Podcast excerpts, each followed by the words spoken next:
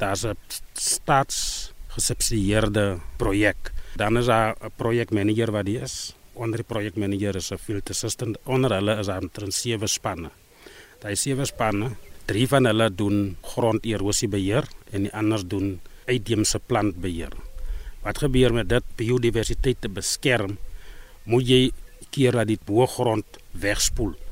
Maar soos die Karoo nou al, die jare oor bewy was, het, het ons die, die nodigheid gesien en ons het begin met die projekte. Die projekte is nou al aan sedert 2006, 2007 waar mense ingaan in die veld, hulle sien wat ek areas se skaal en dan word daar advertensies uitgesit en spanne doen in sekere kontrakteurs doen aansoek. Soos jy kontrakteurs aansoek doen, het elke kontrakteur 13 werkers onder hom. Daai werkers mag word saamgestel uit 60% jeug iets soos 2% disabled en uit die jeug uit moet daar 40% vroue wees. En almal moet hulle jeugouderdom wees. Dan daai spanne hulle maak gate in die grond wat hulle dorings inpak en as die reën kom en die wind waai, die wind waai saad daarin en die reën kom, die reën die water loop in die ding en die saad ontkiem en so groei die plante weer voort. En is 'n groot verskil sedert die spanne begin het tot met nou as die meeste kom ons sê 95 van die parke is nou beskerm met 'n plante groei wat ek kan sê wat die grond beskerm van weg van erosie af. So dit is die projek. Daai projek beteken so baie vir Sandparks want albei kante benefit out of it. Die finansiële kant kom van die regering af, die land wat loop werk kom van die park af en die park gesamentlik met die biodiversiteit projek bestuur. So met hy bestuur en die park saam probeer ons om die park se biodiversiteit te laat groei. Johannes Jantjies as waarnemende hoof nou van die Kamdebo Nasionale Park. Jy het self as 'n jong man hier begin werk en as 'n algemene werker. Sou jy sê dat as jy wil dan skep sandparke of omgewingsbewaring kan vir jou 'n goeie loopbaan skep? Ja, ek het begin werk vir Sandparks op 'n ouderdom van 22 jaar. Ek was nog stil, dit was kom ons sê my eerste werk na Suid-Afrikaanse weermag. Is my eerste vaste werk gewees. Ek het die begin werk as 'n algemene werker in 1991, die 15de Maart. Ek het omtrent vir 3 jaar gewerk as 'n algemene werker en toe is ek bevorder. Kom ons sê maar nog bevorder na veldwagter toe want by stadium was 'n veldwagter meer gesien as 'n as 'n arbeider. So het ek maar begin veldwagter werk ons saam met al die ander veldwagters. My kollegas was nou ongelukkig nie baie hoog geleerd soos ek kan sê en hulle het hier skool gehad, die van hulle kon nie hulle naam skryf nie. So deur dit moet dit ek nou maar oorgeneem om kom ons sê hulle verslae te skryf wat moet op wit en swart gerapporteer word dit ek gedoen maand verslae ek ingedien van die veldwagter werk. Ek het dit omtrent so vir 2 jaar gedoen te word bevorder na die hoofveldwagter posisie. Wat ek as 'n hoofveldwagter gewerk het van sedert 2003 tot 2008 was ek hoofveldwagter maar in 2005 het Sandparks het die park verander van Karoo Natuurreservaat af tot die geprogrammeer as 'n nasionale park. Toe het ek nou vir Sandparks begin werk en dit het my werkstitel benaming gechange na sersant van 2005 tot 2008. 2008 het ek 'n section ranger geword. Dit gaan al hierdie ook gepaard met 'n diensopleiding. Alles gaan gepaard. Dis een goeie voordeel van die Suid-Afrikaanse nasionale parke. Hulle het baie goeie opleidingsprogramme in plek soos byvoorbeeld hulle gee vir jou 'n beurs om verder te gaan studeer as jy wil. Hulle in diensopleidingskursusse wat hulle vir jou gee waarby jy 'n sertifikaat kry. So hulle ontwikkel jou van 'n punt af waar jy niks weet tot en met waar jy op 'n stadium kom waar jy kan op jou eie twee bene staan en jou eie stukkie grond bestuur.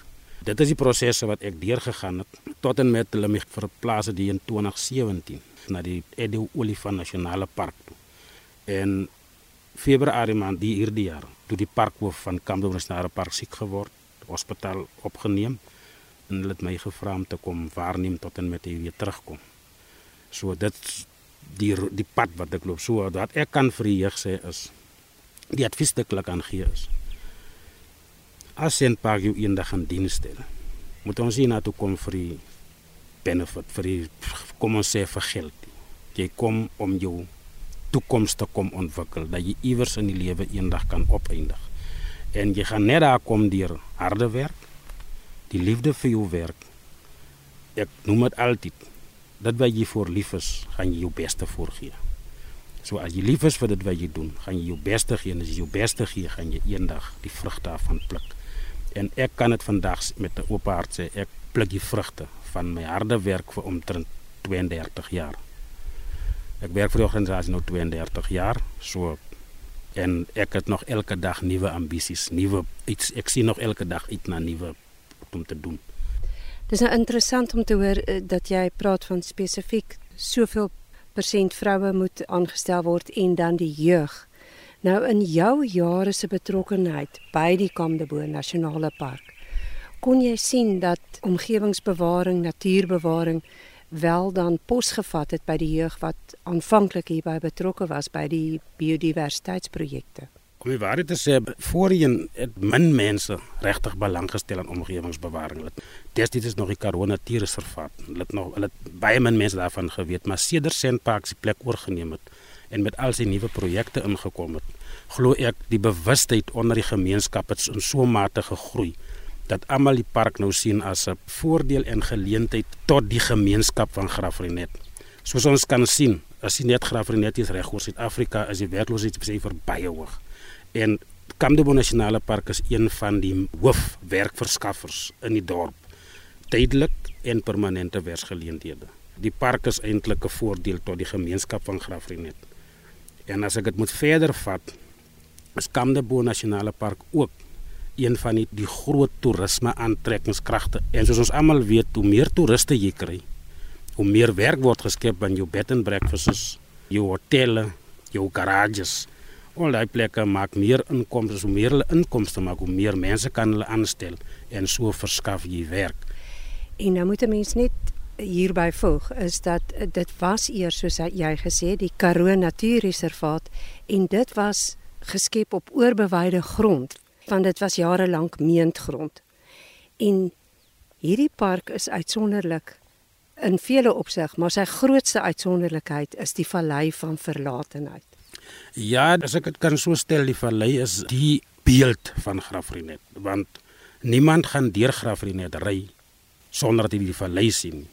En die vallei is ook een van die oorsake as ek miskien laat vanmiddag in Graafrenet aankom, gaan ek oorslaap want ek wil gou môre by die vallei dreig en maak om my wonderlike rotsformasies te gaan kyk en die manier hoe die kraanse as jy die kraanse kyk van 'n sekere eng sien hoe jy staan op 'n nuutgeboude dek en jy kyk aan die pilare dan sal jy sien die pilare lê ewen skuins Maar dan vra ek jou die vraag af hoekom het die pilaar nog nooit omgeval nie.